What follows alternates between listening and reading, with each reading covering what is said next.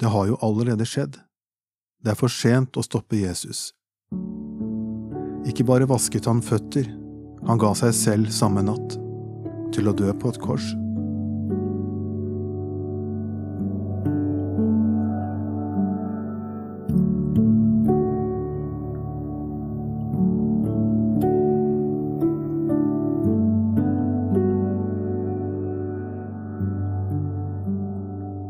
Skjærtorsdag var det en som tok av seg kappen, bandt den om seg og begynte å vaske disiplenes føtter. De gikk med åpne sandaler, så det var nok å vaske. Han var ikke slave, men lederen for disiplene, og mer enn det, Herre og Gud. Som med stallen i Betlehem har vi gjerne et romantisk forhold til fotvasken, men det var en slavejobb, og selv om det var å vise gjestene ære, var det neppe den øverste av slavene som gjorde det. Se Peters reaksjon. Det var utenkelig for ham at Jesus kunne gjøre den jobben. Jeg brukte tid på denne teksten sammen med noen elever på bibelskolen.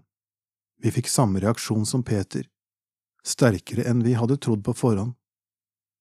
Behovet for å trekke til oss føttene. Men som en elev bemerket, det har jo allerede skjedd. Det er for sent å stoppe Jesus. Ikke bare vasket han føtter, han ga seg selv samme natt, til å dø på et kors. Ingen kunne stoppe ham, han var fast bestemt på å gi sitt liv for oss. Det store og dramatiske som skulle skje, er på en måte rammet inn i denne ydmyke og kjærlighetsfulle handlingen. Og så ber Jesus oss om å gjøre det samme.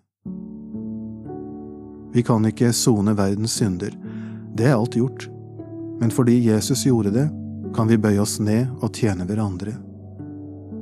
Dere kaller meg mester og herre, og dere gjør det med rette, for jeg er det. Når jeg som er Herren og Mesteren har vasket deres føtter, da skylder også dere å vaske hverandres føtter.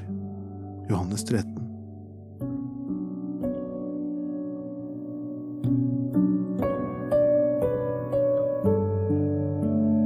Dette var en andakt fra boka Vandrebok. Jeg heter Sverre Skilbreid og har skrevet boken. Vi høres!